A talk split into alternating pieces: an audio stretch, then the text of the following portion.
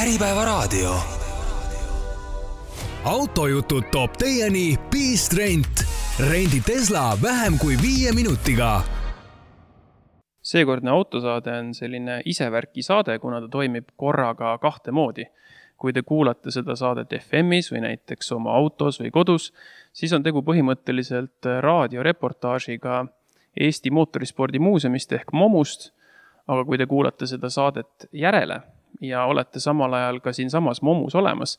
siis saate kasutada seda audiogiidina.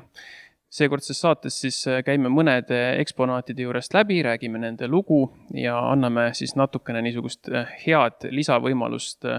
veelgi targemana siit muuseumist lahkuda. mina olen saatejuht Karl-Eduard Salumäe ning minu kõrval aitab seda ringkäiku teha Momu niisugune peasüüdlane Arno Sillat, tere Arno!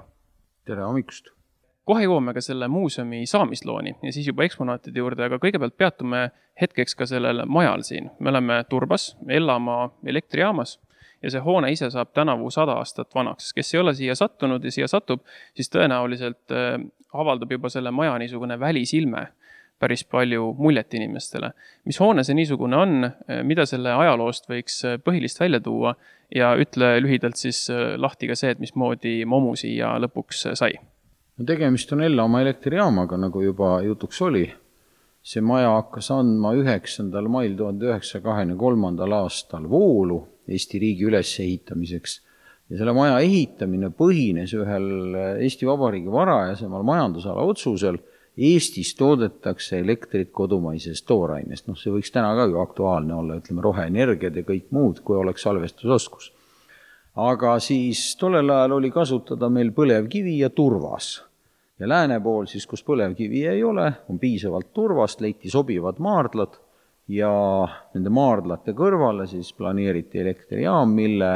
projekteeris oma esimese tööna Eestis Vene emigrant, kes siis põgenes revolutsiooni eest, härra Aleksandr Vladovski, kes oli väga edukas olnud Peterburis juba enne esimest maailmasõda, hästi sellise äh,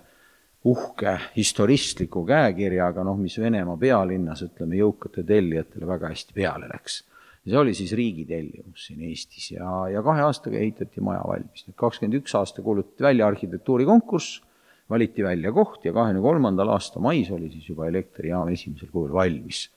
ja töötas niimoodi kuni kuuekümne kuuenda aastani, noh, siis juba Nõukogude Liidu tingimustes, kus naftavarud olid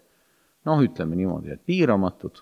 ei olnud mõtet turba peale jääda, sest turva ütleme, kasutamiseks on protsess pikk, kõigepealt lõikad ta soost välja, pressid vee välja, siis sa pead kuivatama teda pikalt, et teda põletada saaks. ja noh, lisaks energiasisaldus on viis korda väiksem kui naftal, noh, põlevkivil on ka tegelikult viis korda vähem. aga elektrijaam jah, kuuekümne kuuenda aasta neljateistkümnendal mail suleti ja siis see maja jätkas elektrijaama ümber tekkinud Turba asula katlamajana. ja katlamaja Nõukogude Liidu oludes tähendas, et elektrijaam kui kõige kõrgem majandushierarhiast, no ilma elektrita ei liigu ka sõjaväemasinad ja ei saa midagi toota, siis äh, katlamaja oli kõige madalam nagu tase. noh, ja neid, kes, kes mäletavad vanu aega, millised need katlamajad välja nägid, tõesti, siia ei pandud ühtegi kopikat investeeringuid, et seda maja korras hoida, nelikümmend aastat see maja lagunes siin ümber. ja kaks tuhat seitse me alustasime, kogu see kordategemine võttis aega kümme aastat, seitsmeteistkümnenda aasta suvel tegime lahti ja kuuendal mail kaks tuhat kaheksateist siis FIA president Jean Dott lõikas lindi lahti selle muuseumi saamislugu on päris pikk. see hakkas tegelikult kaheksakümnendate keskpaigas või siis teises pooles pihta. sa saad rääkida sellest, kuidas üks koolitöö ülikoolis siis selle kõigeni viis. aga sa oled ise kuuekümne neljandal aastal sündinud mees ja hakkasid juba kaheksakümnendate lõpus seda niisugust nõukogudeaegset võidusõidukraami kokku koguma. umbes sel ajal, kui paljude inimeste silmis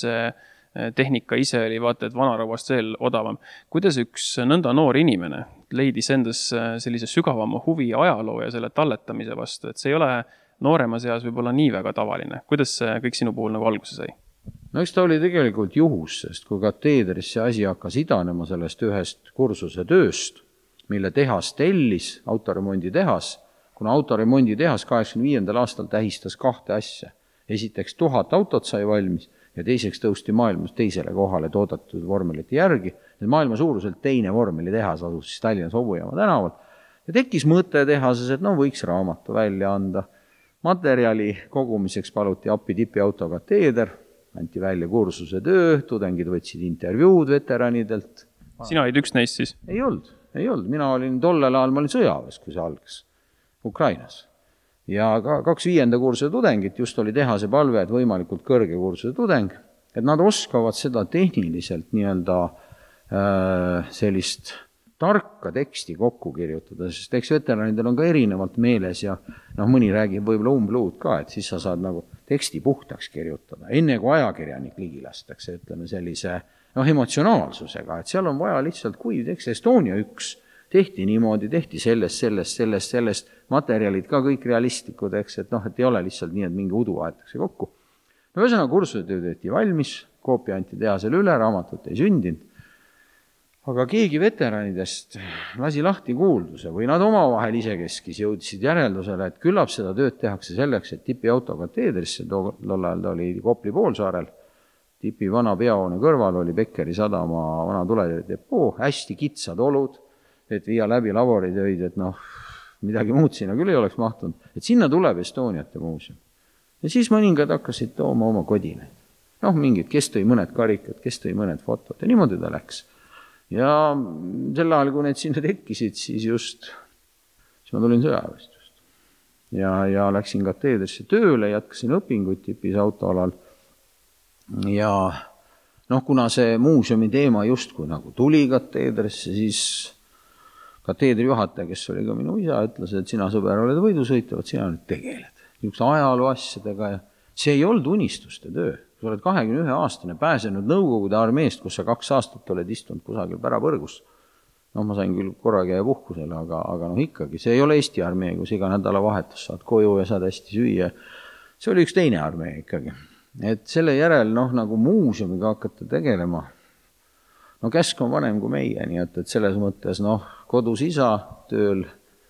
ülemus, no teeme, paneme kirja, noh, aga ma ei ütle, et seda oleks teinud entusiasmiga tollel hetkel, et noh, otsime nüüd midagi, kes tõi, panime ülesse. et tõukeks sai pigem üheksakümne esimene aasta, et siis ma olin juba tipist ammu ära, tegelesin juba ettevõtlusega üheksakümne esimese aasta alguses isa läks teisele poole ära. Ja vot siis tekkis nagu mõte, niisugune emotsionaalne mõte, noh, nagu ikkagi, ütleme, kui keegi lähedane on läinud, siis me jagame lubadusi saame paremateks inimesteks ja teeme ja kõik ja ja mõte oli kuidagi, et noh, mitte nüüd, et oleks isale ka mingi juba oluline asi olnud, noh, tema oli seal töötanud, mul ema oli seal töötanud, mina alustasin tehases viieaastasena tööd ema juures seal nii-öelda noh, sain tehases viibida, ühesõnaga ei pidanud lasteaias käima. Et oli see pereside küll, aga noh, et mingit muuseumit teha, aga noh, hea küll, isa seda tahtis teha, et noh, liigume siis siit edasi. ja siis äh, sai paberi peale soovide list, kuuskümmend viis nimetust, mis peaks olema see, et ta ei ole ainult Eesti, et Eesti on siis tüvi, aga sees on ka, ütleme siis Vene impeerium, sees on Nõukogude Liit, kuhu Eesti on kuulunud, sise, ütleme vabatahtlikult või mitte, see ei mängi rolli selles kontekstis. Eesti Vabariigis siis ei olnud ju veel juttugi, ehk siis oli see, et kunagi oli olnud, aga ja et noh, pea, võiks olla vana hoone, noh, tol ajal pidasin silmas ilmselt mingit vana mõisahoonet. Ja siis tegelikult ütleme, kõige võib-olla esimene küsimus selle asja juures, et noh, kui juba on vastatud, et miks, et noh, või ütleme, et, et kas, et kas jaa, et noh, isa, isa, isa huvides või kuidagi mälestuseks, aga et teine, et, et miks. ja miks vastus tegelikult ongi, esimene vastus on Estonia, teine vastus on vihur, ehk siis Eestis tehtud võidusõidumasinad, millest ju mitte keegi mitte kusagil põhjalikumalt ei räägi Itaalias räägitakse Ferrarist põhjalikult ja palju. meie Ferrarist ei räägi, sest see pole meie oma, me lihtsalt vaatame, ilus auto, eks. aga me räägime Estoniast, me räägime Vihurist, me räägime Estekist, me räägime Terasest, me räägime veel mitmest ettevõttest, pluss siis kümnetest klubidest, kes ka põlve otsas nii-öelda tegid, ütleme, ikkagi väga kõrgetasemelist tehnikat. Et see on see lugu, mida me peame rääkima. ja sinna kõrvale siis noh, ütleme, kogu see Nõukogude Liidus toodetud võidusõidu stuff, eks, mida ka ju tollel ajal tõesti ega keegi kusagil ei näidanud, Riia muuseumis oli üht-teist, Eesti Spordimuuseum ei oleks seda mahutanud, spordi pool küll. noh, ütleme karikad ja sõiduvarustus ei võta palju ruumi, eks, aga tehnikat, massiliselt ikkagi Estoniaid ju ei mahu, ütleme, spordimuuseumi ruumid on suhteliselt väiksed. täna küll on seal üks Estonia viisteist on ilusti seina peal, on sinna deponeeritud meie poolt ja, ja uues väljapanekusse näeb seal väga kihvt välja, aga neil on ikkagi esitleda noh, mingisugune sadakond spordiala kokkuvõttes, eks. mõnda rohkem, mõnda vähem, aga no ikkagi palju, nii et, et ei saa arvata, et et sinna saaks palju mahutada, nii et tehnika pool, see jäi siis nagu meile, nii et, et sealt hakkas ta siis vaikselt edasi kerima. Selle muuseumi kesksed äh, asukad siis ongi just nimelt Eestis toodetud võidusõiduautod ja hakkame seda meie ringkäiku tegema. ma proovin anda oma parima, et natukene siis kuulajale selgitada ka, et, et kus me liigume, et, et siis audiogiidina oleks seda äh, lihtsam kasutada. praegu me seisame siis seljaga peaukse poole ja me oleme esimeses niisuguses avaramas ruumis ning meid ümbritsevad vähemalt kolm Lada VFTS-i, parasjagu väga niisugused kuumad nimed ka tulenevalt filmist Kurvilised teelegendid Need autod ei ole nüüd Eestis toodetud, küll aga kõik meie tolleaegsed kuulsamad rallistaarid äh, nende autodega sõitsid. Aga mis auto see VF TS äh, õigupoolest on? Äh, eriti noorem generatsioon arvab, et kõik Coopa laienditega null viied on VFTS-id, noh, tegelikkus on midagi natukene keerukamat, kas pole? jah, tegelikkus on oluliselt väiksem ühtepidi väiksem, teistpidi suurem, väiksem selles mõttes, et VFTS-e, õigeid VFTS-e on väga vähe Neid tehtigi väga vähe ja, ja nad on väga spetsiifilised, nad on väga kindlale otstarbele mõeldud. VFTS on siis lahti lööduna Vilniuskaja fabrika transportnõks Sretst. Vilniuse transpordivahendite tehas, mis oli tegelikult äh, Vilniuse autode remondikatsetehas. analoog siis tehasele, kus tehti Estoniaid, ainult et asus Vilniuses. ja kaheksakümne teisel aastal Nõukogude Liidu läbi aegade parima rallisõitja Stassis Brunza juhtimisel, siis hakati seal valmistama ette B-rühma ralliautosid, selleks, et Nõukogude Liidu koondis saaks osaleda nendel MM- ja EM-etappidel, mis pakuvad huvi Nõukogude suurimale sõiduautotootjale Ladale või siis Vazile, Volhovski automobiilne zavod, mida, mida siis oli võimalik läänes ka müüa. Ja, ja B-rühmas siis osaleti klassis B kümme tagaveoline kaheliitrine auto, mis siis ühesõnaga laadale sobis väga hästi, sest konkurents selles klassis praktiliselt nagu tõsisemal määral puudus, sest suured autotootjad, kes rallist huvitusid, kes rallit oma marketingi eh, hoovana nägid, keskendusid ikkagi B12 absoluutarvestusele, kus siis oli kuus-seitsesada hobujõudu, kuus-seitsesada kilo oli siis auto, eks Laadast pigistati välja massi kusagil seitsesada, seitsmesaja kilo lõpud ja võimsust sada seitsekümmend, sada kaheksakümmend hobujõudu, nii palju umbes, et noh, ilmselt võib-olla sanuks ka rohkem, aga tollel ajal rallid olid pikad, kiiruskatsed olid pikad, võimsuse tõstmisele nii-öelda üks asi tõuseb ja vastupidavus langeb, eks, et siin tuli seda tasakaalu nagu hoida. ja nendega siis sõideti väga erinevatel tasemetel, eelkõige MM-võistlused nendes kohtades, kus Nõukogude Liit nägi potentsiaali autosid müüa ehk siis reeglina ütleme sellised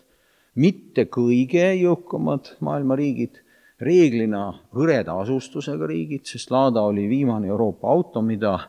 põhimõtteliselt sa võisid teenindada ilma siis service'isse minemata, sest mutrivõtmed ja hoolsad käed, siin ei ole elektroonikat, ütleme standardautol veel, tollel ajal ei olnud peal, nii et nii et sa saad teda hoida liikumas täiesti ütleme, oma eneseoskustega ei ole ühtegi musta kasti, kuhu kümme juhet läheb ja kakskümmend tuleb välja, eks, et, et, et selles mõttes marketingi auto lihtsus, samas auto vanadus ju, eks. Lada kakskümmend üks null viis, mille baasil ehitati VFTS-id, on noh, kandiline modifikatsioon Lada kakskümmend üks null ühest, mis on sisuliselt sealt sada kakskümmend neli, komplektne liin osteti ju ära Itaaliast, kuuekümne seitsmenda aasta Euroopa aasta auto väljatöötamist alustati kusagil kuuekümnendate alguses. ja kaheksakümnendate alguses neid autosid müüdi valuuta eest läänes, ühesõnaga päris edukalt. ja, ja ralli toimis marketingi hoovana, kõige paremaid suhtarve on saavutati Kreekas. kaheksakümne kolmandal aastal, kui mm, Heiki Ohu, Toomas Tiiner saavutasid kolmanda koha Akropolis rallil oma klassis, siis sealne müüja tõstis paljudes kordades oma müüki järgmiseks aastaks, tellimusi tuli palju, vaadati, et nii dünaamiline, nii ägedalt liigub, jah, tõesti, see ralliauto oli kiire, B-rühm võimaldas siis ühesõnaga siit noh, sellest viiekümnest, kuuekümnest hobujõust pigistada ikkagi päris palju välja, teha teda kergemaks, nii et ta liikuski ägedalt, tagaveoline auto. et see oli nagu väga positiivne. Ja Eesti sõitjatele andis ta väljundi, sest ega Nõukogude Liidu viljastavates tingimustes elu tähendas ju seda, et ega välismaale ikkagi väga raske oli saada. sul pidi olema mingisugune väga tõsine eesmärk riigi poolt vaadates, et sind üldse kuhugi lasti, et sulle anti vastavad dokumendid, anti vastavad viisad, et sa said minna ja, ja rallikoondise üldse sport oli üks väljund tegelikult, kuidas saadi. ja Nõukogude Liidu rallikoondisest üle poole ekipaažidest olid pärit Eestist. jälle taas see sõiduoskused, tehnilised oskused, noh, natukene võib-olla sama, miks viiekümnendatel, kui tekkisid, tekkis selline mõiste nagu lendavad soomlased, siis tuli ka ütlemine, et wanna win, hire fin. et tahad võita rallis, palka soomlane. noh, niisuguse öelda niisuguse kaine mõistusega, et noh, rallis on, see on ikkagi maratonijooks, et sa ei saa, et sa oled äh, väga emotsionaalne ja esimesed kaks kiiruskatset võidad ja siis oled kraavis, eks tegelikult sellest ei ole abi. võidab see, kes on finišis esimesena, nii et, et et see eestlaste puhul toimis väga hästi. Ja need kogemused, mis VFTS-ist siis saadi ja need sidemed, need kulusid ära õige varsti, kui Eesti taasiseseisvus. põhimõtteliselt autoeksport Nõukogude Liidu keskne turustusorganisatsioon kadus ära, Dossav kadus ära, siis Kaitseministeeriumi allüksus, kes finantseeris tehnilist sporti, kadus ära Moskva karvane käsi, kes ütleme, ühtepidi küll suunas, et sa lähed sinna, sa lähed teise kohta, aga seda ka finantseeris. Et nüüd tuli raha ise leida, tuli ise leida masinad, tuli ise leida kohad, kuhu minna võistlema. ja siis kulus ära, et sul on kvaliteetsed kontaktid läänes. sest ega vettureid on igal pool. see, et kes tahab lolli idaeurooplasel naha üle kõrvade tõmmata, noh, me nägime neid ärimehi siin ju küll ja küll üheksakümnendate alguses, kes tulid siia, et siit lihtsalt võtta, mitte siia tuua. ja ega autoralli ei olnud selles mõttes erand, kes läks ikkagi nii-öelda väga omal käel õnne otsima, ega sa seda õnne ei pruukinud ka leida, aga kellel olid kvaliteetsed sidemed, need tegelikult ehitasid üles ja juba kümme aastat ju peale taasiseseisvumist, kus ju tegelikult nii-öelda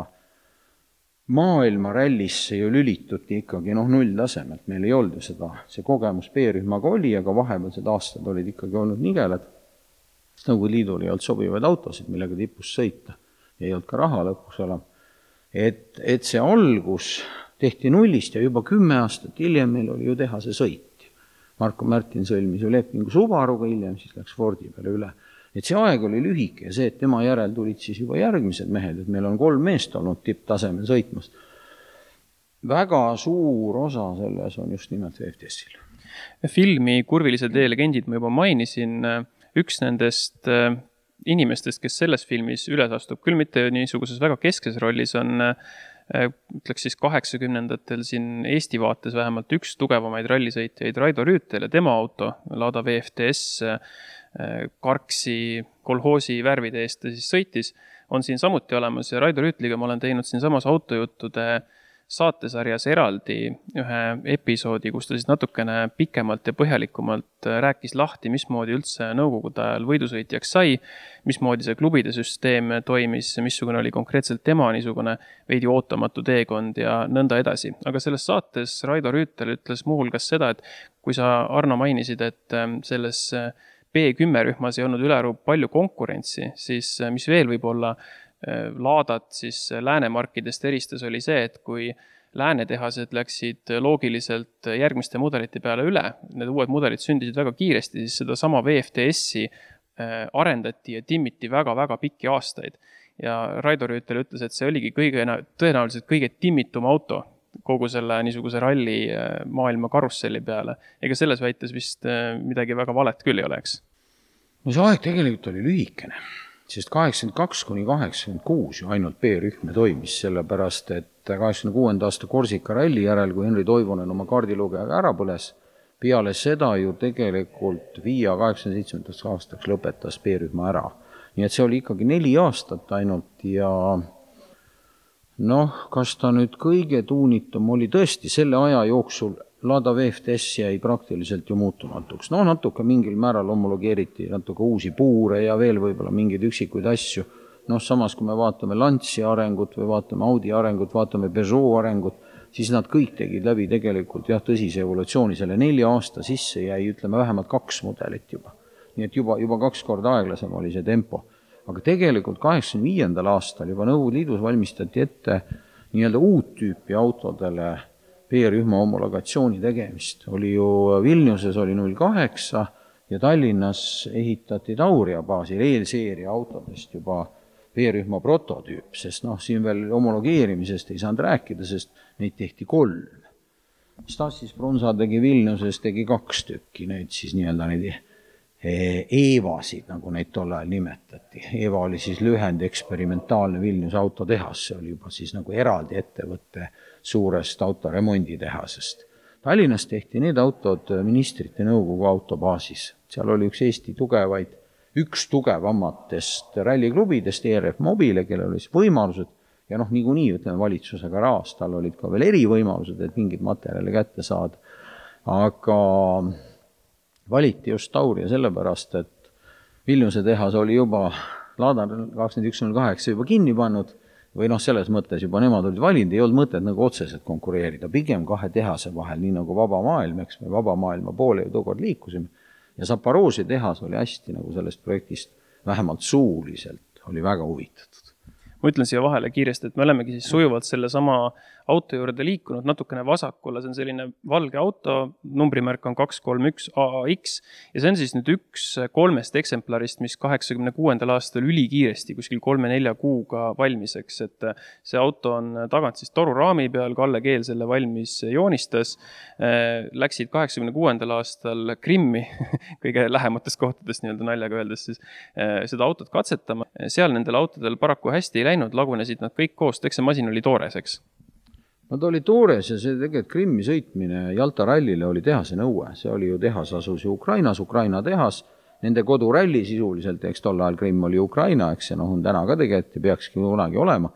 aga mm, Tallinnast jah, tõesti sirkliga võttes tõenäoliselt Nõukogude Liidus toimunud kõige kaugem ralli. ja noh, autodel ei olnud testikilomeetrit, nii palju kui Minnõukogu baasi hoovil sõideti paar ringi, et noh, vähemalt on käigud on olemas ja pidurid on olemas ja, ja nendega veereti tõesti koha peal, aga noh, siis hakkas kohe juhtuma. poolteljed läksid kõigepealt nii-öelda, keerati vint peale, sest tehniline spetsifikatsioon, mis Nõukogude Liidus oli, poolteljed valiti traktori lindi sõrmedest. Nendel oli ette antud väändijäikus, mis, mille nad peavad vastu pidama ja pinnatöötlus, pinnakõvadus. tegelikult pärast, kui hakati neid üle mõõtma, siis selgus, et tavaline teras noh, teras kolm või mingi selline, ilma mingisuguse töötluseta, küllap ta traktori puhul töötas, aga auto puhul, kus sa annad ikkagi sinna paar-kolmsada Newton-meetrit väänet, siis ta väänabki, nii et auto seisab paigal, pöörded aga tõusevad ja muudkui keerab vinti peale. poolteljed tehti Sevastoopoli allveelaevade baasis tehti tankitorsioonidest tehti uued, mingi titaani sulam, ehk siis need olid igavesed, no siis lendasid järgmised ja järgmised, järgmised asjad, no autot tehti kolm kuud juuni keskel sai Kalle Keel sai sellised standardtauriad kätte, kolm tükki, eelseeria autod, nii et kõigil on VIN-kood alla saja. ja ühtlasi ühtepidi ta nii-öelda mõõdistas koos abikaasaga ja teistpidi kohe kõrval tegi skitse, millest siis nii-öelda mehaanikud, ka sõitjad ise ja, ja mõned professionaalsed keevitajad siis keevitasid kokku siis seda uue auto karkassi ja, ja hakkasid juba klaasplasti mudeleid tegema ja, ja et, et siis septembri lõpus olla siis Jalta ralli stardis, iseenesest ebanormaalne B-rühm ja kolm kuud, kui kaua ju tegelikult Toyota Gazoo'd arendati, et maailmameistritiitel tuli, see võttis ikka, ikka hulk aastaid aega, kogu aeg ikka midagi kippus nagu laiali minema, nii et, et selles mõttes jah, see oli nagu testina vaadeldav, sest noh, selle konkreetse autoga Aare Klooren jõudis kõige kaugemale teise kiiruskatte starti, nii et, et noh, ralli jäi lühikeseks väliselt meenutab see auto, kes teab, siis Peugeot kakssada viis, äh, tollast B-rühma autot. Ja tegelikult olid ka eestlaste ambitsioonid umbes sama suured, et see auto on küll tagaveoline, plaanis oli ehitada see tulevikus ka neliveoliseks ja nii edasi, aga nagu sa siis selgitasid, sellele tõmbas vee peale just nimelt see kole õnnetus Korsika rallil kaheksakümmend kuus, kus äh, Henri Toivonen ja Sergio Cresto, tema kaardilugeja, said surma. seepeale siis äh, autoralli maailmameistrivõistlused selles mõttes korraldati ümber, et B-rühm kaotati ära ja noh, tegelikult sinna siis plaan ka uppus, aga äh, nende autode saatus oli siis missugune, ma tean, et vähemalt ühega prooviti natukene vist mingisugust rallikrossi moodi asja sõita või lumeraja asja, aga lõpuks nad ikkagi jäid kuhugi suhteliselt õnnetusseisus vedelema enne kui siis sina ja su kaasvõitlejad selle ühel hetkel niimoodi üles leidsid ja, ja korda lasid teha? nojah, ta ei püsinud hästi teel ka, ütleme suuremal kiirusel ikkagi, et kuna noh, raskus on põhiliselt tagaotsas, eks, kui tal on keskmootor, ikkagi esiots on kerge, et seda balansseerida, no seda oleks balansseerinud mingil määral neljaveoliseks tegemine, eks. Aga noh, seda ei jõutud teha, seda ei olnud mõtet teha, et tõesti, ütleme, kaks autot kolmest leidsid Rallycrossis rakendust, aga ka mitte eriti, küll sinna topiti kakskümmend üks null kaheksa laada esiotsa ja no ühesõnaga vedrustust, et teeb paremaks, ei teinud midagi paremaks, nii et, et põhimõtteliselt jah, need seisma jäid üks kolmest, siis hävitati üsna kiiresti ära, et, et see ei läinudki üldse kusagile seisma, see läks lihtsalt nii-öelda metalli, lõigati juppideks, läks metalli ära. aga kaks tükki tõesti kusagil erinevates kohtades siis oma oma elupäevi veetsid, eks sealt küljest võeti juppe ära midagi, et mida oli siis kusagil vaja ja ja siis see üks masin tõesti kunagi, kunagi nüüd aastate eest jõudis meieni, meieni jõudis ka tegelikult teine, aga sellel on omanik olemas. ja, ja, ja tema ei ole nagu väga selgelt nagu, nagu mõelnud, mis ta sellega nagu teha tahab, et me oleme seda autot lihtsalt hoidnud. aga selle masina me saime endale, et siis me saime hakata mõtlema tema tema taastamise peale ja siin me tegime koostööd Tallinna Kõrgema Tehnikakooliga, kus siis tudengitööna mm, see auto arendati lõpuni esiteks ja teiseks siis pandi ka kokku ja tehti ta valmis, nii et nüüd ta peaks kiirust kannatama. üle, üle saja viiekümne kilomeetrise tunnikiiruse juures ei peaks loopima kraavist kraavi ja noh, veel muid asju, nii et, et viisteist diplomprojekti tehti selle peale ja nelikümmend nelikümmend kaks tudengit osales kokku selles protsessis, nii et eh, taastumine võttis aega neli pool aastat. et kui ehitati seda autot kolm kuud, eks siis taastumine oli oluliselt pikem, et, et siin olid teatud asjad, ütleme toruraam, mida ei tohtinud puutuda, et kõik need koledad amatööride tehtud keevitused pidid säilima, me ei hakka neid üle lihvima, et see ongi selle auto ajalugu, me ei ürita näidata, et see on nüüd mingisugune valmis tehase toode. see oligi käsitöö, nii nagu enamus prototüübid maailmas et see on siit auto pealt ka näha. Ja, ja, ja sarnasus Peugeot kahesaja viiega tuli välja ka avamisel, see auto seisis meil nii-öelda tolleaegse peaaukse vastas, nii et kui FIA president sisse tuli, siis tema pilk naelutus selle auto peale, tuli juurde, silitas seda, et what car is this? no siis ma seletasin, et see on Nõukogude Liidu B-rühm, juba prototüüp ja kõik nii ja naa ja jätsin muidugi ütlemata, et see on tagaveoline, eks, et noh, las ta arvab, et, et see on nelivedu või mis iganes veel, eks ja, ja, ja siis ta jätkas seda selitamist, et it's very similar to Peugeot two oh five. et noh, küsimus oligi selles, et eks me natuke üritasime ka seda autot ikkagi avamiseks ja saada, et ta peab selleks valmis saama. et oli teada ju, et Sandoti esimene töökoht meeskonnajuhina oli ju Peugeot motosport, kus ta viiski Peugeot kahesaja viie Timo Saloneniga roolis ju maailmameistriks. et see tal tuli kohe nii-öelda värskelt tuli nagu meelde ja see andis talle veel täiendava referentsi, noh lisaks Estoniate ja moto ja kõige sellele ajaloole, et me oleme teinud siin ka analoogilisi autosid, ralliautosid. noh, taas tõesti, ütleme, jätmata siia või noh, jättes siia lisamata kõik need klasside vahed ja kõik sellised asjad, et, et, et noh, see ei mänginudki rolli, et me tegime nii-öelda oma piiratud võimalustest tegime umbes samasuguseid asju kokkuvõtlikult on vist üks nendest paljudest lugudest, sest mis oleks võinud olla, kui, eks, et äh, kaheksakümne kuuendal aastal, nagu sai räägitud, see lugu lõppes, aga selliseid äh, lugusid, ka edulugusid äh, tunneb mootorispordi ajalugu muidugi palju. Läheme siis äh, nüüd kaks korrust kõrgemale, eks, ja jätkame oma ekskursiooni sealt. äripäeva raadio.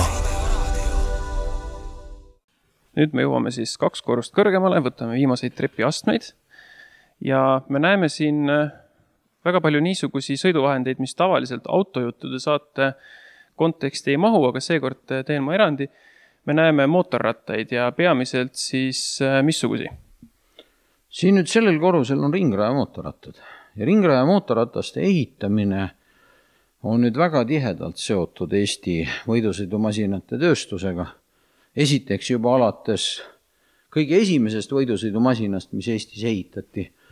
juba enne teist maailmasõda Villersi mootoriga Tempo ja hiljem siis juba seitsmekümnendatel aastatel jätkates vihuri ringrajamootorratastega, kõik puhtalt Eestis tehtud. vihuritehas oli niisugune, mis tegutses äh, mitte ainult mootorrataste rindel, vaid tegelikult tootis ka võidusõiduautode jaoks üksjagu juppe, eks? Nad tootsid juppe ja nad valmistasid ette ka B-rühma ralliautot, küll ilma homologatsioonita, aga see oli mõeldud siis siseriiklikuks tarbimiseks, ilma siis valuuta eest ostetud varuosadeta, aga noh, nii-öelda noortele võimaldamaks sõita umbes sama kiiresti. no seal oli, ütleme, see ümberehituse roll. aga vihur loodi selleks, et ehitada võidusõidu mootorrattaid Nõukogude Liidu koondisele, et saada vastu sotsialismimaade meistrivõistlustel noh, kas jutumärkides või ilma jutumärkideta sõpradele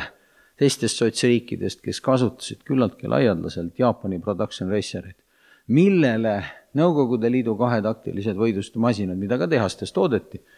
võimsuse poolest mitte kuidagi vastu ei saanud kui kuulsusrikas on äh, Eesti võidusõidu ajalugu just nimelt mootorrataste poole pealt, me teame, et autode poole pealt, eks ju, Estonia vormelitehas, me teame seda, et nagu ennist oli juttu, paljud eestlased kuulusid Nõukogude Liidu rallikoondisesse. kui kõvad motoringrajasõitjad eestlased olid? no kõigepealt tuleb alustada kahekümnenda sajandi parimast, eks Endel Kiisa, kellel oli võimalus Nõukogude Liidu eksperimentaalvõidusõidu mootorratastega osaleda maailmameistrivõistlustel, sõita siis läbi aegade kõige kõvemate ringrajasõitjate ehk siis Giacomo Agostini, Phil Reedi, Mike Hilewoodi, Jim Redmani ja paljude teiste vastu ja võtta ka, võtta ka poodiumit, näidata oma kiirust tihti stardist juhtides noh, kuni siis midagi, midagi laiali läks, et eks need Nõukogude masinad olid natuke toored, aga kiirus oli igal juhul paigas, nii et ütleme, kuuekümne viiendal aastal tegi Honda tehas talle tehasesõitja kohapakkumise, mida Moskva muidugi vastu ei võtnud, sest Jaapani ja Nõukogude Liidu vahel puudus rahuleping, nii et see näitas tegelikult Endel Kiisa kiirust, nii et ta oli noh, ütleme, et Honda tehasesõitjana oleks suure tõenäosusega võinud paar korda maailmameistriks tulla sest Honda oli tol ajal küsija ja, ja miks seda kohta talle pakuti, Jim Redmanil oli raske õnnetus, mille tagajärjel ta murdis reieluu ja kuuekümnendatel aastatel reieluu muruga siiski hooaeg oli läbi, et täna pannakse kolme-nelja nädalaga sõitma sind uuesti, aga tol, tol ajal meditsiin seda ei võimaldanud, nii et siis oli vaja asendust. et see on kahtlemata, ütleme, selline tipp. ja no see oli ka tipp tegelikult Nõukogude Liidu mootorrattatööstuses, sest see oli lühike aeg, viiskümmend seitse kuni kuuskümmend üheksa, kus kooperatsioonis Javaga ehitati tegelikult maailma absoluutsesse tippu kuuluvaid võidluste mootorrattad. muidu Nõukogude Liidu mootorrattatööstus oli veelgi rohkem maas maailmast kui, kui autotööstus. et siin sisuliselt toodeti ikka enamus tehastes seda, mida enne sõda toodeti Saksamaal. sest Saksamaalt võeti peale sõda sõjakulude katteks või reparatsioonideks, nagu tol ajal öeldi, võeti kogu Saksamaa mootorrattatööstus ja pandi siis nii-öelda Nõukogude Liidu tehastena uuesti üles, nii et, et noh, näiteks Uraal tootis siis nii-öelda sisuliselt BMW mudeleid teatud aja, no mis olid siis Saksamaal välja mõeldud ma arvan, et kuulajad, olenemata sellest, kas nad kuulavad siis FM-is seda saadet nii-öelda otse või nad on siin Momus kohapeal ja kasutavad seda audiogiidina, juba kibelevad ka Estonia vormeleid äh, nägema ja nende kohta kuulma, nii et liigume siit. me peame siis minema siitsamast äh, ülemiselt korruselt äh, korruse võrra allapoole. aga ma küsin korra siin niimoodi käigu pealt veel Arno juurde, et me näeme siin ühte osa sellest majast, mis tõenäoliselt viitab ka selle ajaloole, et mis siin varem on olnud? Jah, see on turbiin ja generaator. et praegu me oleme generaatori saalis, nagu seda ruumi vanasti nimetati. siin oli selliseid gruppe kolm tükki, turbiin ja generaator. turbiini tuli katlamajast suruaur, katlamajas siis põletati kolmes katlas turvast suruaur ajas ringi turbiini, turbiin omakorda käitis generaatori ja siis maksimumvõimsus majal oli kaheksa pool megavatti. Need õnnekombel on need BBC-s siis Brown Boveri kompaniis Saksamaal toodetud seadmed tänaseni säilinud, et need ülejäänud kaks komplekti on, on selle sajandi algusaastatel läinud vanametalli, sest noh, siin sees on ju ka tonn vaske, eks, rootorina. et selles mõttes noh, see on ka ajamärk olnud, aga, aga täna on ta siin olemas, nii et, et töö, töökorras nad kah-, kahjuks ei ole juba, ma arvan, et kümneid aastaid, sest neid ei ole keegi korrastanud, neid ei ole keegi hooldanud, kuuekümne kuuendal aastal, kui elektrijaam kinni pandi, korjati ka siis juba teatud jubinad maha, et tegelikult ega teda nagu ei plaanitud, vahel on räägitud seda juttu, et seda plaaniti säilitada ja noh, ütleme, see ei ole päris nii, et siis valame naftat sisse ja kohe läheb, eks, et tegelikult ikkagi turbobaasil püsti pandud elektrijaam on turbobaasil ja, ja, ja see nõuab ikkagi väga keerulist logit-, logistilist ketti soost kuni siis elektrijaamani. et seda päris niisama, et hops, et nüüd homme lülitame sisse, seda kahjuks teha ei saa, nii et ja ja seadmestik ei võimalda, et seda vahel küsitakse meilt, et miks te elektrijaama tööle ei pane, et noh, turbo põletamisega Euroopa Liidus on ka veel omaette ooper, nii et. ja praegu siis palistavad seda turbiingeneraatorit erinevad äh, külgkorviga ringraja äh, mootorrattad siis ja samuti krossitsiclid ja muu niisugune kraam. ja nüüd me siis liigume edasi, me peame tegema siin äh, selle generaatori ruumis niisuguse põike paremale, kui tulla ülevalt. Seejärel me jõuame ühte saali, mida vist kasutatakse, Arno, nagu ma aru saan, et siin on võimalik ka soovi korral seda rentida või, või mis ruumiga meil täpsemalt tegu on? no see on meil tegelikult kunstisaal, siin on meil deponeeritud kunstinäitus, praegu on auto Eesti klassikalises kunstis, noh siis klassikalised kunstnikud meie hulgast läinud juba, joonistavad taevastel radadel, aga tõesti, selles ruumis igasuguseid seminare ja üritusi ja neid on, neid on siin läbi aastate peetud hulgaliselt, et kui muidu on, ütleme, selline tehnikaspordi poole pealt inspireeriv keskkond või ütleme, inseneeria, siis siin on puhas kunst, mis on ka küll seotud tõesti, iga, iga pildi peal on kas auto või buss või, või mootorratas aga, aga noh, ta on siiski kunst, ta on klassikaline kunst, eks, ja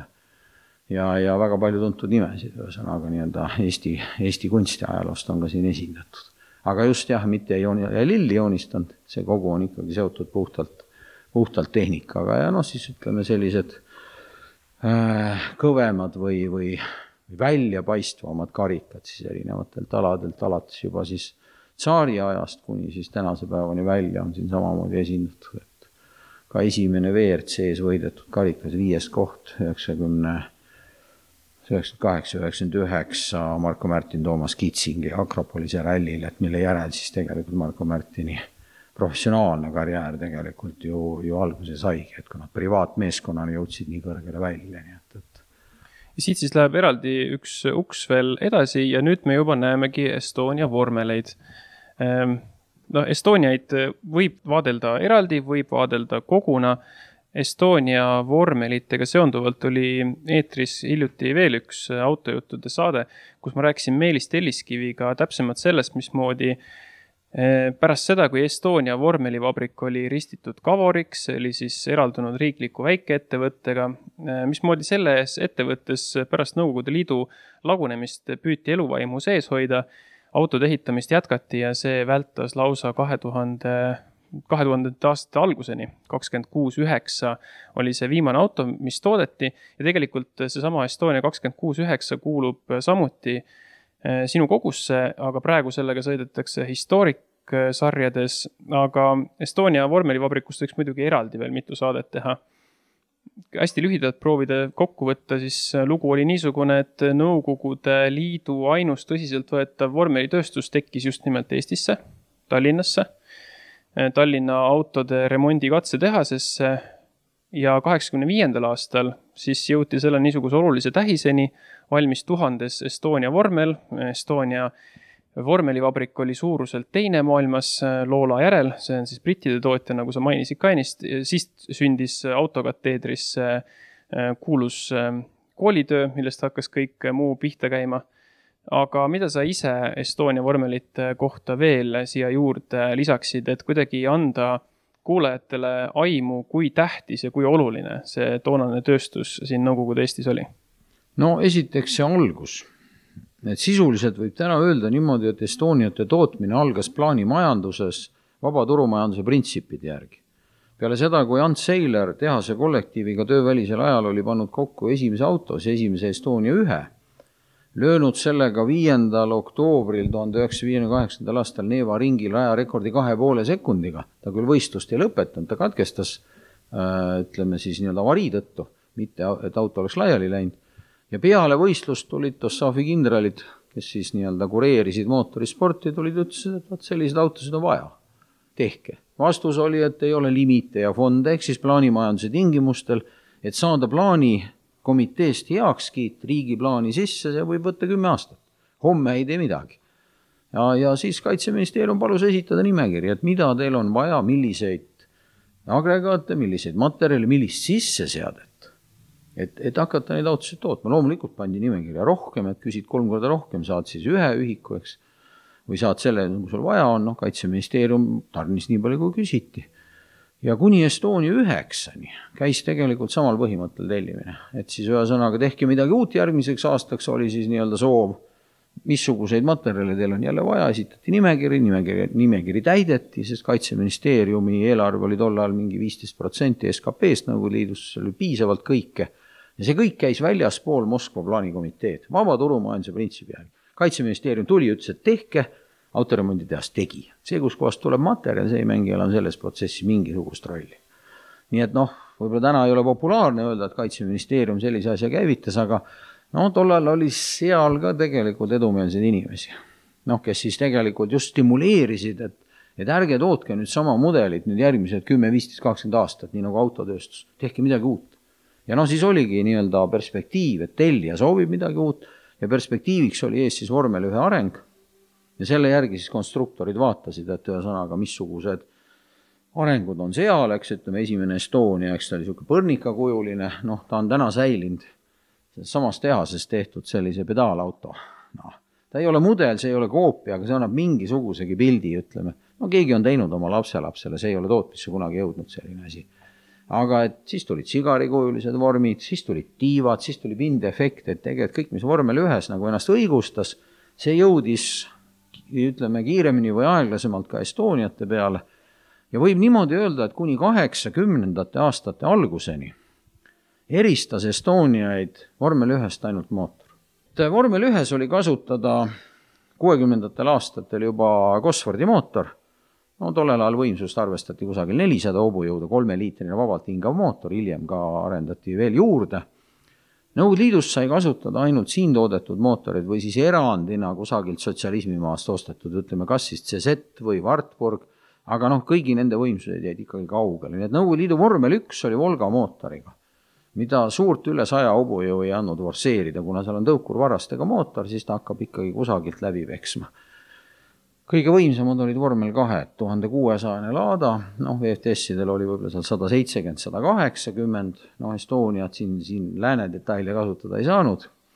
noh, natukene vähem, ütleme, eks ma mäletan tipi võimsustendis, mis seal taganurgas on. Seal peal on kõige võimsam oli Toivo Assmani mootor, sada kuuskümmend seitse hobujõudu käis. No on räägitud, et oli mõnel mehel võib-olla natukene rohkem, noh, kus nemad mõõtsid, võib-olla nad tundsid tagumikuga, et on rohkem, seda ma ei oska öelda, nii et, et vahe VFTS-iga ei olnud ka väga suur. nii et, et põhimõtteliselt osta Gosfordi mootor, dimensioneeri Estonia raam ülesse, noh, jämedamad torud, suuremad pidurid,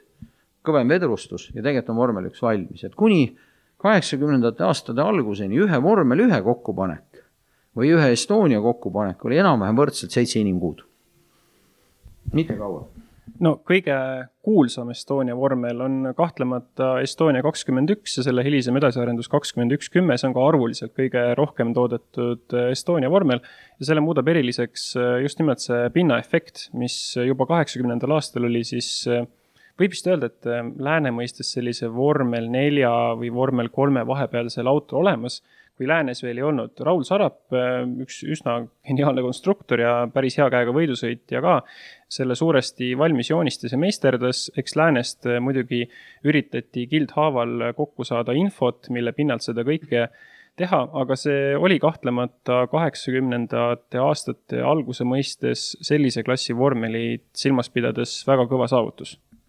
No ta tegelikult, mul täna puuduvad andmed, kas ta väiksemasse klassi isegi jõudis, sest seitsmekümne kaheksandal aastal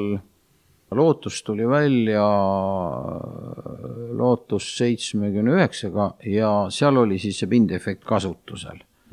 tähendab, ühesõnaga vormel ühes toimus see läbimurre, mõni aasta hiljem keelati see ära, sest see osutus vormel ühes ohtlikuks ja siis alles hakkas tilkuma alla aga Raul Sarapil oli põhimõtteliselt kaheksakümnendal aastal oli prototüüp valmis, nii et väiksemates klassides tegelikult seda pindefekti veel tol ajal ei tuntud, nii et kui ta esimesele võistlusele Saksamaa, Ida-Saksamaal Šlaitsis selle autoga välja tuli, noh siis olidki nagu pealkirjad ka nagu maailma pressis, et noh, et Nõukogude Liit on teinud siis ühesõnaga lootuse koopia. ta tõesti näeb sa-, sarnane välja, tal on tõesti seesama efekt, et auto pinna alla tekib vaakum, eks sellest ka need küljekardinad, mis seda hoidsid ja sellised tagurpidi pööratud tiivad, nagu kõik autodel on, eks, tagurpidi lennukitiib, et survejõud tekiks allapoole, siis need küljed tekitavad selle jõu. Et ta tõesti välimuselt on, aga et siin midagi vormel ühest kopeerida ei ole, sest vormel ühed tol ajal oli juba kusagil kaheksasada hobujõudu, eks juba liiguti turbomootorite peale. no siin meil oli kasutada sada seitsekümmend hobujõudu, nagu ma enne ütlesin, toruraam, mis oli ikkagi suhteliselt vedel, äh, alumiinium või hiljem ka süsinikmonokokiga võrreldes, nii et siit ei olnud nagu noh, nagu kopeerida midagi, välja arvatud füüsika. et seda füüsikat sai rakendada ka kiirusel, ütleme, sada viiskümmend kilomeetrit tunnis pluss, eks. vormelühtedel, mida suurem on kiirus, seda suurem on ka siis survejõud äh, asfaldil, eks, seda suurema kiirusega saab kurve läbida. et tegelikult on üks esisilla detail, mis kõigil maailma ajakirjanduses ilmunud fotodel jäi varju ja selle kohta Raul Sarap äh, või seda, seda nagu saada, pöördus Colin Chapmani poole, siis Lootuse tiimijuhi poole, palvega see joonis saada ja see joonis saadi. Nii et see jutt, mida Moskvas ka vahel räägitakse, et et, et nii nagu Nõukogude Liidu autotööstus on kas siis nii-öelda litsentsiga toodetud või kopeeritud, et ega Estoniad ju ise ei teinud, et see on ka, Raul Sarap sai Colin Chapmanilt kõik joonised. isegi kui ta oleks saanud kõik joonised vormel ühe joonistega laias laastus, ei oleks Estonia peal mitte midagi teha olnud siis oleks see auto dimensioneeritud üle, ta oleks olnud raskem,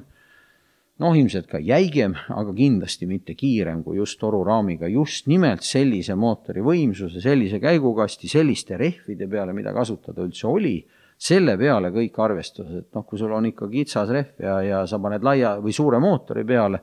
siis sa seda jõudu asfaldile ei vii, nii et ikkagi see on siinsetele oludele vastavaks tehtud auto või sellisena projekteeritud. Ja tõesti, üks sõlm on siis üks sõlm on siis nii-öelda ütleme selle, ma ei taha isegi öelda originaal, aga ütleme siis suure analoogi pealt võetud.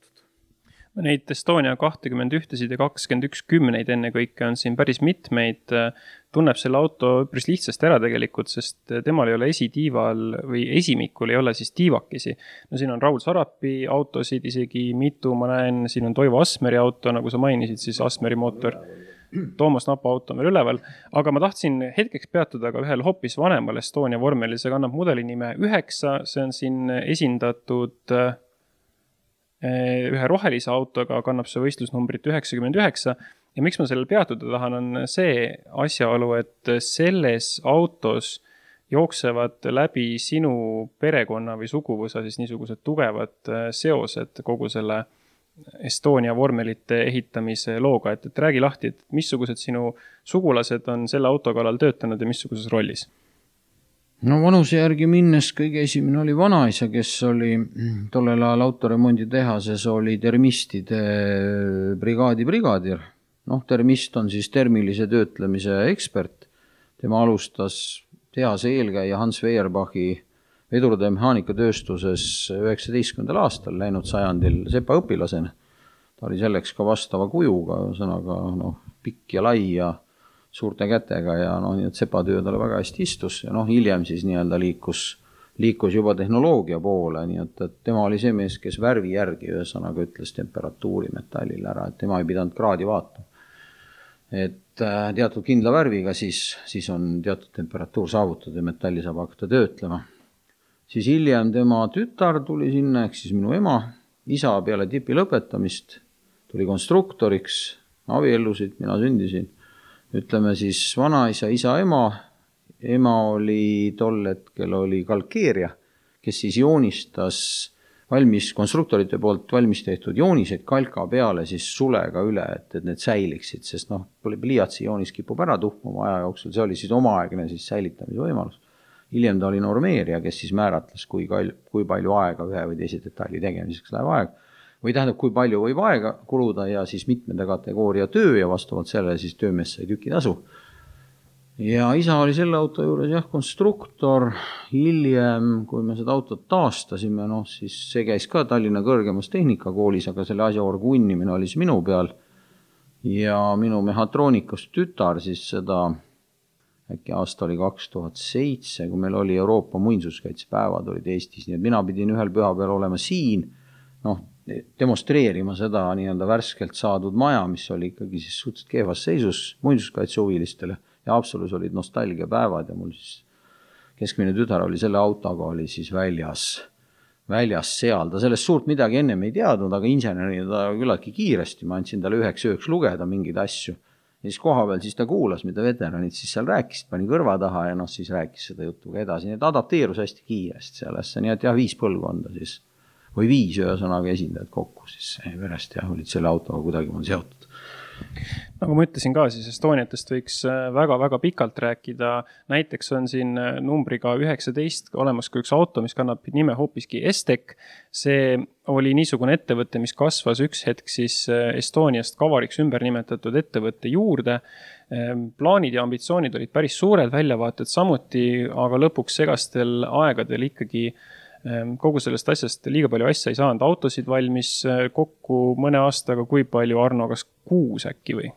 no ma pean natuke täpsustama, et tegelikult tal nagu sidet Kaboriga ei olnud.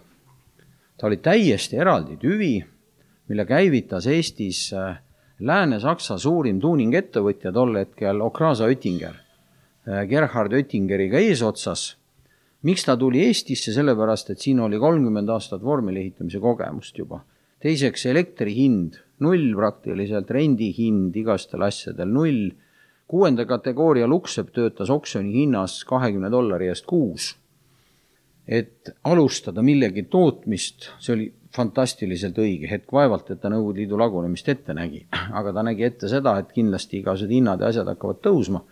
ja Oettinger investeeris kaheksakümne kaheksandal aastal sisse seadena viissada viiskümmend tuhat D-marka see on täna umbes kuus pool miljonit, võib-olla isegi natuke rohkem, olenevalt, kuidas seda inflatsiooni arvestada. Äh, ja see oli üks Nõukogude Liidu esimesi ühisettevõtteid, laiendiga SP, Estek SP, SP tähendab Samestnõi Predprijatje. see oli siis Mihhail Gorbatšovi reformide üks järjekordne etapp, kus lubati lääne kapitalil tulla Nõukogude Liidu ettevõtetesse sisse. tingimus oli see, et pool peab jääma siis Nõukogude Liidule ja teise poole omanik siis või teise poole aktsiate omanik oli ministrite nõukogu autobaas jälle, kes ehitas hoonete kompleksi Tallinnas äh, Äh, mäe, mäealuse, mäepealse, et mul vahel lähevad need sassi, ühesõnaga Mustamäe arkist järgmine tänav Mustamäe poole, seal see hoonete kompleks on tänaseni täiesti alles, kasutusel küll juba noh, neljanda, viienda, kuuenda, seitsmenda otstarbe ja, ja, ja omaniku käes. aga põhimõtteliselt see on nagu mälestusmärgiks jäänud, nii et Oettingeril oli plaanis Eestis toota vormel kolm autot maailmaturul. eelnimetatud põhjustel ta nägi ette võimalust tulla uue nii-öelda no-name tootega turule odavamalt, et võtta ära Dallara, Reinardi, Harti ja paljude teiste turgu, noh, ta nägi ette, et kuni neljandik maailmaturust võiks kuuluda Estekile ja, ja Saksamaal oleks äh, siis Okrasa Oettingeri enda nimi olnud see, mis oleks siis viinud selle auto turule. Noh, nii-öelda usaldusväärsuse garant, et ei, ei ole kusagilt Ida-Euroopast, auto küll on sealt, aga näed, lääne ettevõte seda turustab ja eelseeriana või nii-öelda katsetamiseks tehti valmis kuuest autost koosnev äh, vormel neli seeria, noh siis konkreetselt see auto number üheksateist on ka sealt ja täna veel historikuvõistlustel osalev veel teine Estek, mis on ka säilinud siis kuuest. see osaleb siis noh, Eestis ja Baltikumis toimuvatel võistlustel veel, nii et kaks tükki on kuuest, on, on alles. nüüd üheksakümmend üks aastal ettevõte läks pankrotti seal oli ka kuritahtlikku mm, äh, nii-öelda osalust selles asjas, metsikud üheksakümnendad, oli inimesi, kes leidsid, et osa valuutast võiks nendele kuuluda ja, ja tõmbasid ettevõttele sisuliselt vee peale. ettevõte, mis omas veelgi suuremat perspektiivi kui tegelikult Estoniate pool, nii et Estoniate juurest võeti parimad jõud eesotsas Raul Sarapiga võeti siis siia üle, et kõik, keda kutsuti, kõik tulid, kõiki ei kutsutud. kutsuti ikkagi ainult parimatest parimad, nii et, et see oleks sündinud no ikkagi väga tugev bränd, Esteki nimeline bränd, alguses vormel kolm, noh, ma olen kuulnud, et äh, Gerhard Oettinger visioneeris ka vormel kahest, no kus võib-olla raha ei teeni nii hästi, aga et kui seal ka hästi läheb, et noh, siis lähme kunagi vormel ühte, noh, see on võib-olla legendimaiguline natukene, aga miks ka mitte, et tolleaegne areng tegelikult oleks seda võimaldanud. ja, ja just see, et see fakt, et poole aktsiate omanik on Lääne-Saksa ettevõte, mis oli tol ajal ikkagi väga tugevalt äh, Volkswagen Audi grupi ettevõtete tuunimises sees, ehk siis maailma autotööstuse absoluutse tipu juures ka, nii et, et et see kombinatsioon kokku oleks võinud olla tegelikult väga tugev löögijõud. aga teeme sellise natuke nagu alavahetuse, et ega see mootorisport ju hõlmab endas ka nelja ratta piiresse jäädes päris erinevaid võidusõidudistsipliine, me oleme rääkinud rallist, me oleme rääkinud võidus, ringraja võidusõidust, eh, natukene põgusalt seal Rally Tauria juures eh, puudutasime ka rallikrossi, aga üks omaette nähtuse liik on pagi ja me nüüd läheme ühe niisuguse auto juurde, mis omab Eesti võidusõidu ajaloos päris niisugust olulist tähtsust. me liigume siit Estonia ruumist nüüd jällegi trepi mööda ülesse ja me jõuame sellisel juhul niisuguse autoni, millega sõitis niisugune mees, kes kannab jätkuvalt nime Jaanus Ligur. Ja Arno, missuguse vägiteoga siis Jaanus Ligur esimese eestlasena hakkama sai? no Jaanus Ligur võitis kahel korral enda välja mõeldud, enda osalusel ehitatud pagiautoga Euroopa karikavõistlused pagikrossis, olles siis esimene eestlane, kes on võitnud Rahvusvahelise Autoföderatsiooni FIA ametliku võistlussarja. et sotsialismimaade karikavõistlused, millest siin Estoniatega seoses võinuks palju-palju rääkida. ta ei olnud otseselt FIA enda sari, et ta oli küll homologats- või ütleme, nii-öelda FIA tiiva all ja täitis reegleid, aga, aga ta ei olnud FIA enda sari. FIA enda sarju on läbi aegade kusagil kakskümmend, kakskümmend viis, mõni aasta rohkem, mõni aasta vähem. autokrossi Euroopa meistrivõistlused sinna hulka kuuluvad. Nii et tuleb siis selle korruse peal leida pagiautod üles, see ei ole muidugi nende iseraliku kuju tõttu kuigi keeruline, see Jaanus Liguri auto kannab äh, numbrit kolmkümmend kolm. Jaanus Ligur oli hiljemgi äh, pikki aastaid autospordis sõitjana tegev, võistles ta veoautodel, äh, oli seal ka väga hea, sõitis veoautoga siis rallit. Ja tegelikult ka tema poeg Janno Ligur on natukene nagu isa jälgedes käinud, käib siiamaani, küll mitte pagiga, aga sõidab rallikrossi ja saavutanud äh, tuhande kuuesajase klassis ka Euroopas mitmeid häid tulemusi. siin näeb siis veel äh, kõiksugu ATV-sid ja ka Formula Studentit, mille puhul vist võiks ka lühidalt ära markeerida, et eks sellest on ka palju juttu olnud, see on ka meedias päris palju tähelepanu saanud, aga kogu see Formula Studenti ettevõtmine, mis kaks tuhat seitse alguse sai, eks see ole ju just nimelt äh, inseneride poole pealt Eesti seda niisugust autolugu aidanud väga jõudsalt edasi viia, oled sa päri? No kahtlemata, sest äh, tänases äh, ütleme paljuski virtuaalsesse maailma kolinud projekteerimisprotsessis on ääretult oluline, et õppimise käigus noored või siis tulevased insenerid saavad võimaluse vaadata tulemust ka reaalses maailmas. sest vea tekkimise võimalus,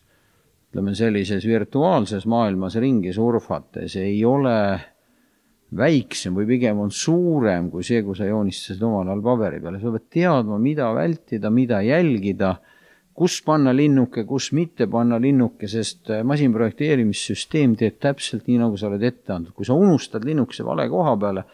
pikkuse, laiuse proportsiooni tuleb hoida, teed auto pikemaks, laius läheb mõõdust välja, ühesõnaga auto on mõttetu, sa ei, see ei vasta tingimustele, selliseid asju on juhtunud. vahel masinprojekteerimissüsteem kipub ära kaotama varasemalt tehtud joonise detaile, seda on ka juhtunud, see on ka üks näide on siin majas olemas, seesama Tauria taastamisel. miks tehti tagasilda kaks korda, sellepärast et esimese projekti peal Ampere inseneeringus üles pildistatud äh, toruraam, et selle joonise pealt äh, masinprojekteerimissüsteem kaotas millegipärast kaks kandetala ära. ja tulevane insener ei pannud seda nagu tähele, sest noh, virtuaalselt, kui sa teed, sul seda üldpilti on raske saada, kui sa Vatmanile joonistad selle välja, siis sul on pilt silme ees, et siit midagi nagu puudu natukene, et, et vaatame, milles on viga, unustasin midagi ära, panen asemele, et virtuaalses maailmas seda on, seda peab jälgima väga hoolega, et mingeid asju ei juhtu, sest noh, sa usaldad nii palju süsteemi, mis põhjusel see ära kaotas, seda ma ei oska täna isegi kommenteerida kas ta oli sõnastatud, seal ju ta ei ole mitte joonena, aga ta on mingisuguste nullide ja ühtedena ju kirjeldatud, ütleme, süsteemis. Ja vot miks sellel mingil asjal oli mingi linnuke juures, et korista need ära. selliseid asju juhtub, nii et, et see kogemus on, miks maailmas hinnatakse studentist läbi käinud tudengeid väga kõrgelt või noh, analoogilistes protsessides osalenud tudengid, nad on teinud oma jooniste järgi midagi valmis ja saanud aru, et võib-olla teinekord, kui keeruline see on, kus võivad vead tekkida ja selle võrra neid vigu tekib juba siis maailma autotööstuses, mehhatroonikatööstuses, automaatikatööstuses vähem. me mõtlesime, et millega panna sellele ringtuurile siis punkt ja lõpuks jõudsime ühe niisuguse mõtte juurde, mille ma võtan kokku sellega, et kui ikkagi olud on niisugused, et päris asju, millega võidu sõita napib, siis äh, võidusõiduhuvilised mehed sõidavad kasvõi supermarketi selle poekäruga, kui millegi muuga pole sõita, aga meie puhul on siis äh, sõidetud üksjagu veoautodega võidu. Nii rallit sõidetud kui krossi sõidetud. me kõnnime nüüd siin selle kõrgema korruse peal ja kui me siia keskele otse alla vaatame, siis üks kass, see on nüüd vist viiskümmend kolm kerega auto seisab jah, ja siin natukene lähemal kass viiskümmend üks ka räägime siitsamast kõrgelt, eks huviline saab selle kuulamise ajal siis allapoole liikuda ka,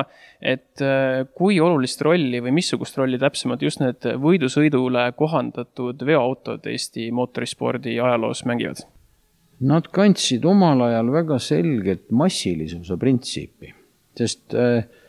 igal ettevõttel, kes vähegi midagi tootis, midagi tegi, oli mingisugune suurem või väiksem veoautopark. seda nii linnaettevõtetel kui ka siis maaettevõtetel, sovhoosidel, kolhoosidel. ja veoautosport võimaldas äh, mootorisporti tulla nendel, kellel võib-olla noh, sõiduautodeni pääsu ei olnud, igas klubi, igas kolhoosis, igas sovhoosis ei olnud ka tehnikaspordiklubi sellist, aga olid olemas veoautod. veoautosport andis võimaluse töömasinaga siis, millega sa esmaspäevast reedeni vedasid vilja,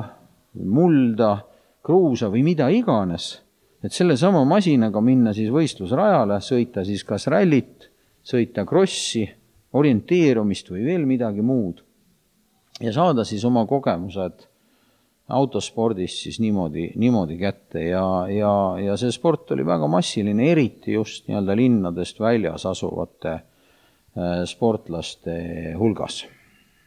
ja kes ei tea, siis on olemas ka niisugune auto või võistlusauto liik nagu veopagi, mis hästi lühidalt kokkuvõetuna sündis siis, kui ühel hetkel Nõukogude Liidus leiti, et see veoautode kui tööautode lõhkumine ikka ei sobi mitte, nendega võidu sõita ei tohi aga siis jõuan tagasi selleni, et võidusõiduhimulised mehed leiavad ükskõik mille, millega võidu sõita. ja leiutati siis veopagi veoautojuppidesse valmis ehitati, kutsutakse neid ka krokodilliks oma niisuguse iseraliku kuju tõttu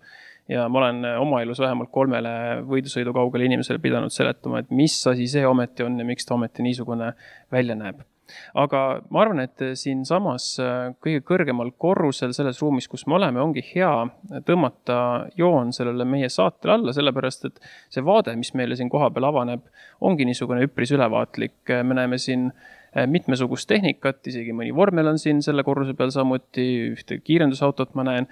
ja, ja on selles mõttes niisugune hea näide sellest, mida kõike siin selles muuseumis leidub. nii et äh, ma loodan, et see niisugune eksperimentaalsaade oli huvitav, mina saatejuhina tänan kuulamast, tänan Arno ka sind äh, esiteks selle eest, et sa leidsid aega, et äh, seda niisugust ringtuuri siin teha ja ühtlasi selle eest, et sa oled oma pika ja sellise järelejätmatu töö tulemusena selle muuseumi siia loonud. selline sai seekordne Autojuttude saade, tänan kuulamast ja kohtume taas